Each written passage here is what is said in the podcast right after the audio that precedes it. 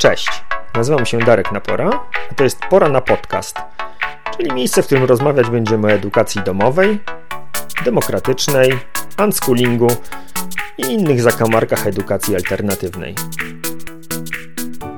Dzisiaj będzie wyjątkowy odcinek. Jak usłyszeliście, nie ma czołówki, a to dlatego, że będzie dzisiejsze nagranie nieco inne. Będę w nim gadał sam. Nie dlatego, że nie ma osób, które y, chciałbym poprosić do, do tego odcinka, tylko y, logistycznie tak się trochę porobiło, że kilka osób mnie odwołało w ostatniej chwili spotkania, y, no i zostałem z tym odcinkiem sam. Ale w sumie to mi to nie przeszkadza, będę gadał sam do siebie. Inspiracją do tej dzisiejszej rozmowy jest książka Edwarda Brodkina pod tytułem Missing Each Other. No i jak można się z tytułu domyślić, e, jest to książka o tym, jak się mijamy, jak omijamy się wzajemnie w naszych relacjach i, i o tym, że nawet jak jesteśmy wśród ludzi, to że to, jak z nimi jesteśmy, sprawia, że nie za bardzo jesteśmy w tym e, byciu razem wspólnie, tylko raczej tak koło siebie. No i to oczywiście y, książka bardzo obszerna i tam dużo tematów jest poruszonych. W takim największym, największym turboskrócie y, Brodkin mówi o takich czterech obszarach, które sprawiają, że będąc wśród ludzi y, jesteśmy lub nie jesteśmy z nimi i pierwszym z nich jest uważność na siebie i na tych ludzi, no czyli taka teza dość, dość popularna już chyba mm, wśród większości osób z mojego bąbelka dobrze, dobrze znana i ugruntowana, czyli że żeby być w kontakcie z rodziną, z dziećmi, no to musimy najpierw być uważni na siebie, o to y, jak działa mój organizm, jak działają moje emocje, jakie myśli się pojawiają w różnych sytuacjach i mieć po prostu uważność, świadomość tego, skąd one się tam e, biorą, jakie zachodzą e, reakcje na jakieś tam zachowania. I to jest taka po prostu zdolność do wglądu w samego siebie.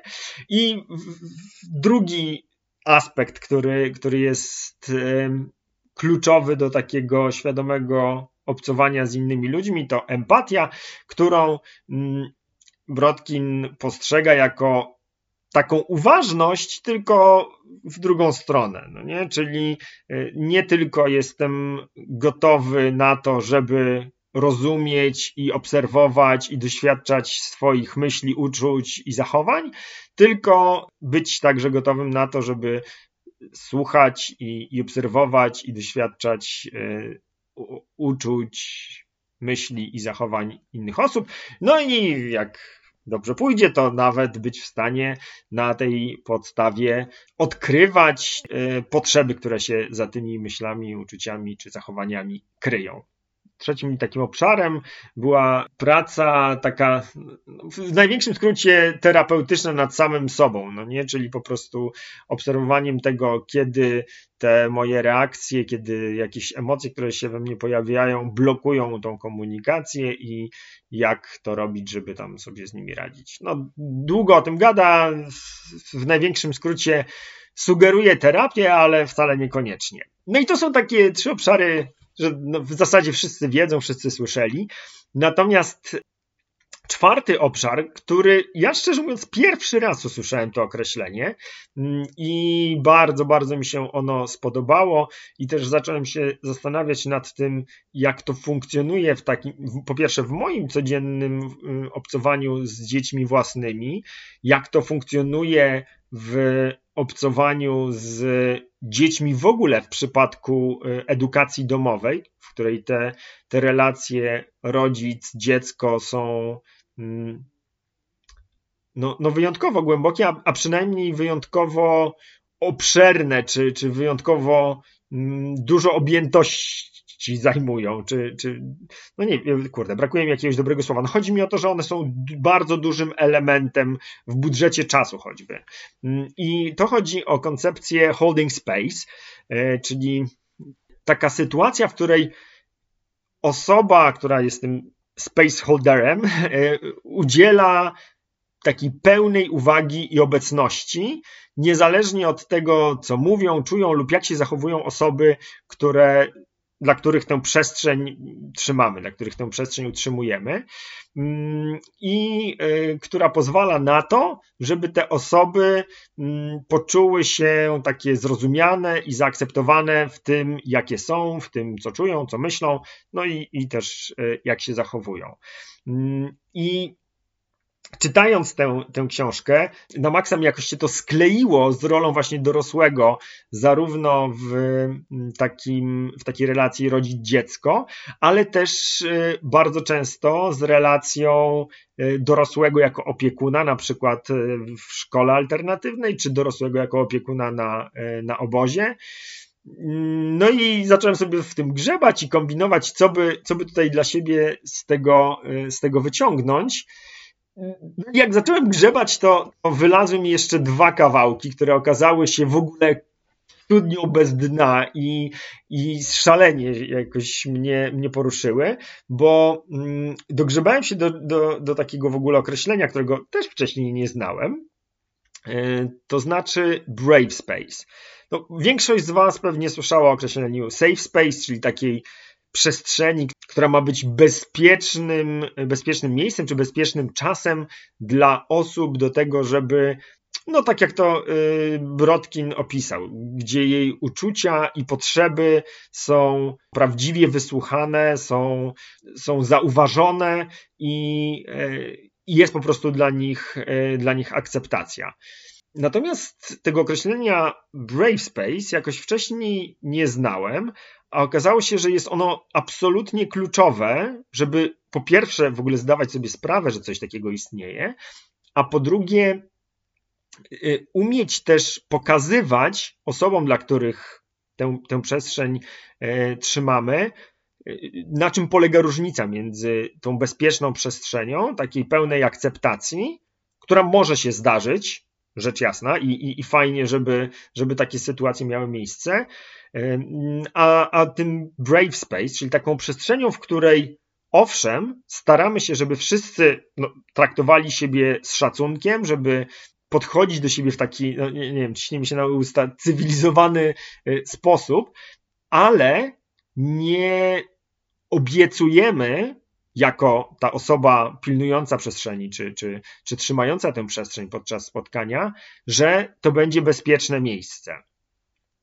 I teraz o co tutaj chodzi? Mm, to bezpieczeństwo, ja jakbym był przed kamerą, to bym taki zrobił cudzysłów w powietrzu, bo bezpieczeństwo oczywiście można rozumieć na bardzo wielu poziomach i począwszy od takiego poziomu bardzo e, literalnego czy, czy fizycznego po prostu, może być e, bezpieczeństwo e, takie emocjonalne.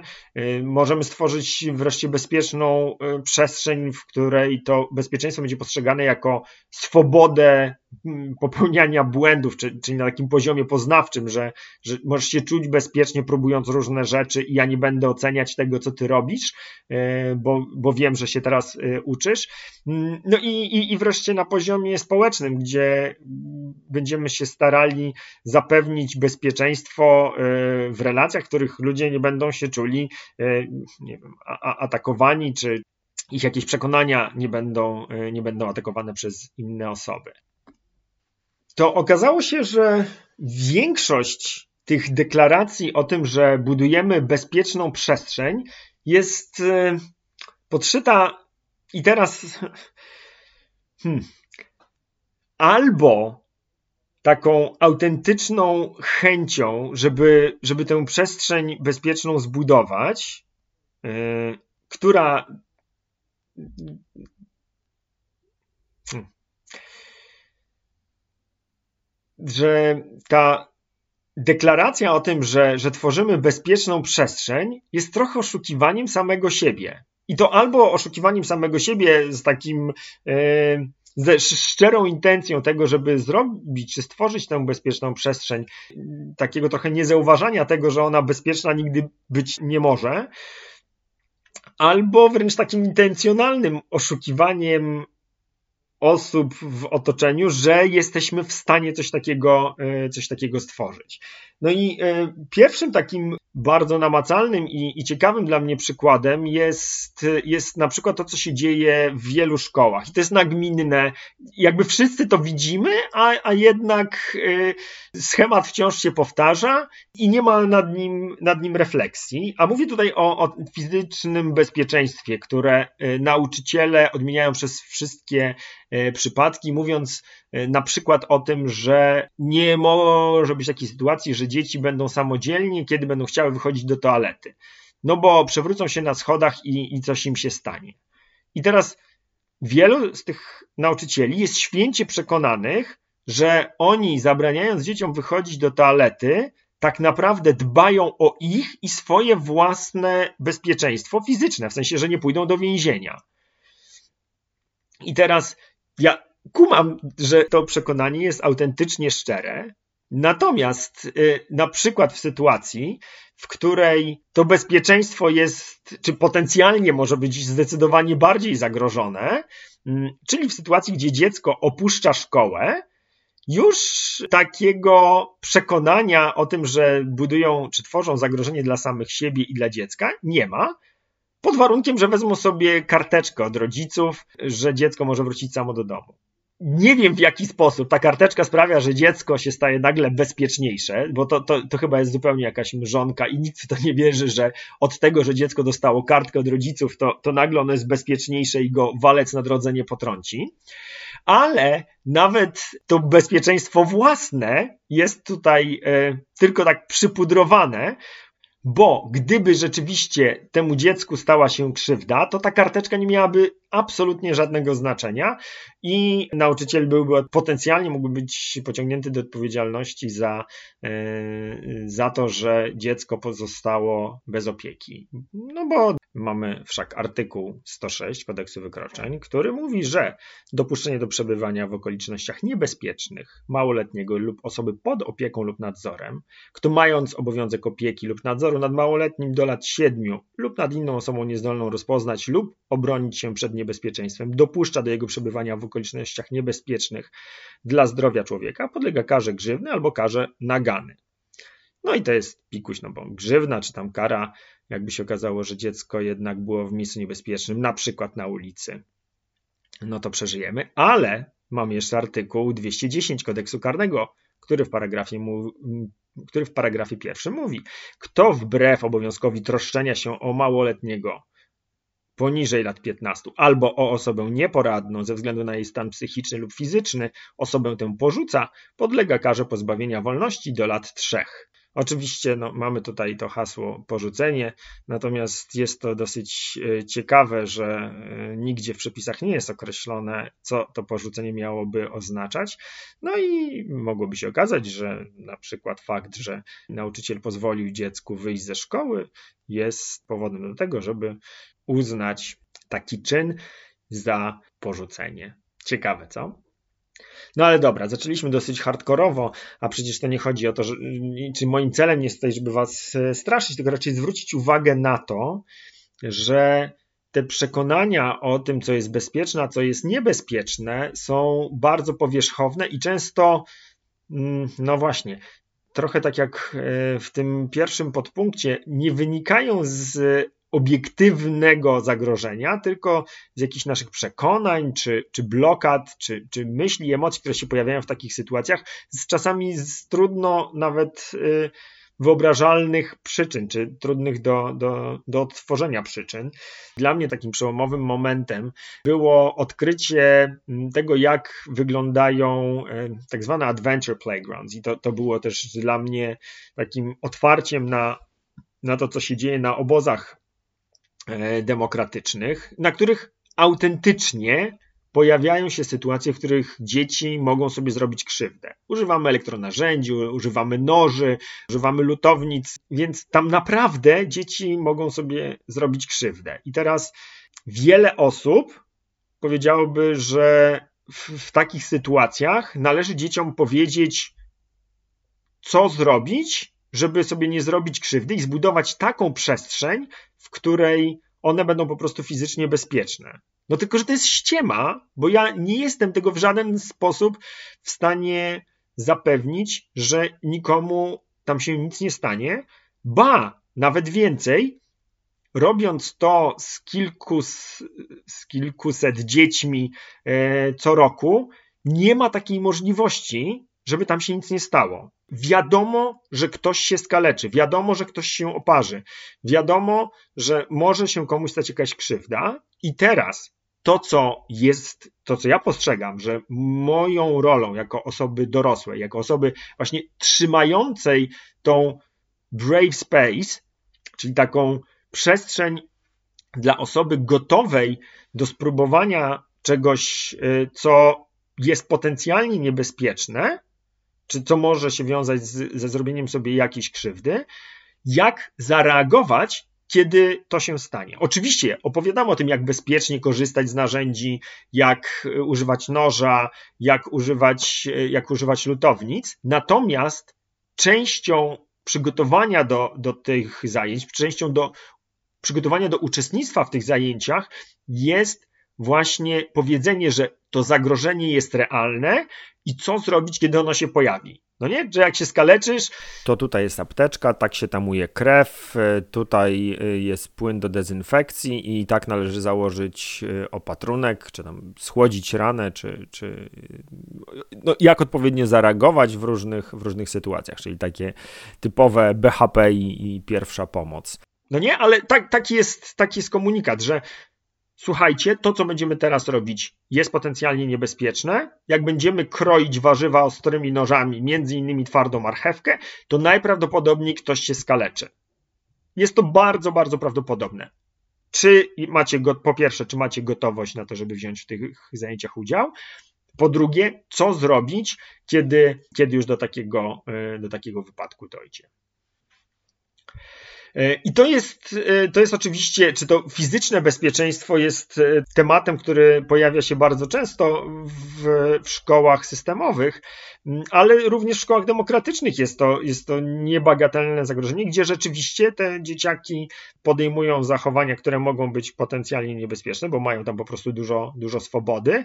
I opowiedzenie sobie w ramach kadry z dziećmi i również z rodzicami, że to ryzyko istnieje, jest, e, jest moim zdaniem po prostu uczciwe e, i jest uczciwym postawieniem sprawy i też pozwala na to, żeby kadra czuła się bezpieczniej w tym, że rodzice o tym wiedzą, a nie e, że obiecujemy rodzicom coś nierealnego, to znaczy, że zapewnimy, że każde dziecko będzie bezpieczne przebywając w szkole. No bo to jest po prostu ściema. To, że nie wypuścimy dziecka do kibla, nie znaczy, że ono się nie poślizgnie na schodach, schodząc za rączkę w parze. Może się tak zdarzyć. No i to jest, y, to jest ta pierwsza warstwa, czyli warstwa fizyczna, ale druga warstwa jest dla mnie jeszcze ciekawsza, czyli kwestia tego bezpieczeństwa emocjonalnego. I to jest taka część, która pojawia się bardzo często w takich zamkniętych grupach, szczególnie y, w, tym, w takim świadku jakichś grup wsparcia, czy, czy jakichś kręgów męskich, żeńskich, czy Bóg wie jakich, gdzie obiecujemy sobie, że to jest safe space, no nie? Że, że tutaj jesteśmy bezpieczni, że jesteśmy, jesteśmy po to, żeby się wspierać. I wydaje mi się, że to też jest trochę ściema. A może nawet nie trochę, tylko to jest po prostu na maksa ściema. I obiecywanie, że, że będziemy tutaj tworzyli bezpieczną przestrzeń, jest ze strony osoby, która taką przestrzeń stworzy, po pierwsze nieuczciwe, a po drugie też jest jakimś tam zagrożeniem dla, mm, dla, dla uczestników, bo oni jakby przygotowani na to, że zostaną zaopiekowane ich wszystkie potrzeby i nie zostaną tutaj narażeni na to, że, e, że, że na poziomie emocji będą się czuli, nie wiem, jakoś zaatakowani czy jakoś niekomfortowo, mm, jest po prostu nieprawdą. I nie chcę tutaj e, przytaczać żadnych przykładów z jakichś konkretnych e, kręgów, w których e, brałem udział, natomiast no, bez problemu potrafię sobie wyobrazić sytuację, w której czy to sposób mówienia, czy treść tego, co zostaje powiedziane podczas takiego spotkania, może spowodować po prostu przekroczenie czyichś granic, czy, czy może być po prostu naruszeniem czyichś, czyichś granic. I taki spaceholder, pracując z grupą, grupą nie ma możliwości zapewnienia bezpieczeństwa wszystkim jej członkom. Po prostu. Fizycznie to jest niewykonalne. Bo po prostu nie wie, co jak, czy w jakich słowach i kiedy zostanie powiedziane. Wydaje mi się, że, że to są sytuacje, które mogą się pojawiać w zasadzie w dowolnym wieku y, uczestników, w, dowolnym, w dowolnej grupie, gdzie podczas rozmowy czy, czy podczas komunikacji następuje sytuacja, w której czyjeś potrzeby są bardzo niezaspokojone tym, że ktoś inny próbuje jakąś swoją potrzebę zaspokoić. I teraz obiecywanie, że, że te wszystkie potrzeby zostaną zaspokojone jednocześnie jest po prostu ściemą albo przynajmniej nieodpowiedzialnością ze strony takiego e, spaceholdera czy osoby, która bierze odpowiedzialność za, za, utrzymanie, mm, za utrzymanie tej przestrzeni. To samo zjawisko oczywiście pojawia się e, na poziomie poznawczym, kiedy, jak i ile razy możemy popełniać błędy, żeby nie kończyło się to frustracją i złością innych uczestników.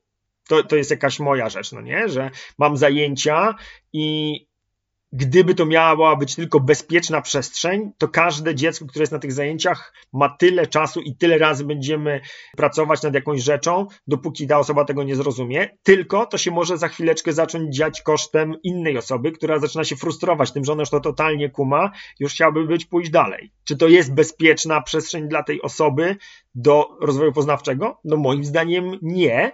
I byłoby nieodpowiedzialne z mojej strony mówić, że każde dziecko zostanie zaopiekowane podczas jednych zajęć. No bo po prostu tego się zrobić nie da, jeżeli e, ja jako dorosły chcę brać za to jakąś tam odpowiedzialność. No i, i, i wreszcie na, na poziomie społecznym, tutaj nie muszę już chyba po tych kilku opowieściach e, opowiadać o tym, jak bardzo trudno jest zbudować e, bezpieczną przestrzeń dla wszystkich uczestników spotkania w momencie, kiedy dochodzi do jakichś interakcji między osobami, y, osobami w tej grupie. W szczególności mam tutaj oczywiście na myśli mm, takie kilkuosobowe, nieformalne y, grupy dzieci, ale to również się przekłada na, y, na, relacje, na relacje rodzinne, które z założenia nie mogą być safe space'em i one zawsze będą spełniały znamiona tego brave space, czyli takiej sytuacji, w której po prostu wszyscy uczestnicy grupy po prostu, czy danej społeczności są gotowi na to, że będą musieli mierzyć się z trudnościami i rolą takiej osoby, która tę przestrzeń dla, dla, dla danej społeczności będzie trzymać, jest to, żeby być w stanie zauważać te, te sytuacje, które są potencjalnie niebezpieczne czy potencjalnie e, trudne i przygotowywać uczestników na to, żeby wiedzieli, jak w takiej sytuacji zareagować, jak e, jako społeczność będziemy sobie, będziemy sobie z takimi trudnościami radzić. To, co jest dla mnie szalenie ciekawe w tej koncepcji safe space i brave space, jest to, jak możemy ją wykorzystywać w tych społecznościach czy w tych przestrzeniach, które e, tworzymy dla, no w, w naszym przypadku dla dzieci e, głównie u nas na obozach to jest z jednej strony taka struktura, która jest dosyć sztywna, którą, za którą biorą odpowiedzialność dorośli. To, jest, to są zorganizowane zajęcia, na które można przyjść, ale nie trzeba. To są takie spotkania, które pozwalają na to, żeby być w grupie i, i poddać się jakby temu procesowi grupowemu, który, który jest utrzymywany przez tego spaceholdera w postaci jakiejś dorosłej osoby, wychowawcy. Ale z drugiej strony, brak obowiązku uczestniczenia e, w tej strukturze i pełna swoboda w tym, co, co w wielu szkołach demokratycznych jest postrzegane jako właśnie to, mm, to narzędzie, które pozwala dzieciom swobodnie się rozwijać. I niesamowite jest to, że i struktura, i swoboda może być dla jednych dzieci tą bezpieczną przestrzenią, do której zawsze mogą się odnieść, jeżeli tam się czują bezpiecznie, w tej swobodzie pójść się bujać na hamaku i grzebać patykiem w ziemi, e, a doświadczać czegoś dla siebie trudnego, wchodząc w strukturę zorganizowanych zajęć. Mm, ale może być też dokładnie na odwrót, bo mogą się trafić dzieci, dla których sztywna struktura y, zajęć będzie jakąś bezpieczną przystanią, a największym dla nich wyzwaniem i tym brave space'em będzie taka swobodna interakcja z dziećmi w swobodnej zabawie, bo dla nich na przykład tym największym trudem czy największym wyzwaniem jest jest ta sfera e, wyzwań społecznych w kontaktach z innymi osobami. Trochę się rozgadałem, myślałem, że mi to szybciej pójdzie, ale temat jest szalenie ciekawy i bardzo zachęcam do, e, do lektury e, do lektury książki Brodkina i jak ktoś ma jakieś uwagi na temat trzymania przestrzeni czy, czy gwarantowania poczucia bezpieczeństwa w safe space albo jakieś komentarze do tego, jak, jak on rozumie Brave Space, to, to bardzo zachęcam do podzielenia się. Ogromne dzięki, to tyle na dzisiaj. Pa! Dzięki za wysłuchanie kolejnego odcinka Pora na podcast. Jeśli uważasz, że był wartościowy, cenny, ciekawy, to zachęcam Cię do udostępnienia go. Jeśli masz jakieś pytania, wątpliwości dotyczące edukacji domowej albo któregoś z tematów, który poruszaliśmy w odcinku, to zapraszam Cię do kontaktu. Mój adres znajdziesz w opisie tego odcinka.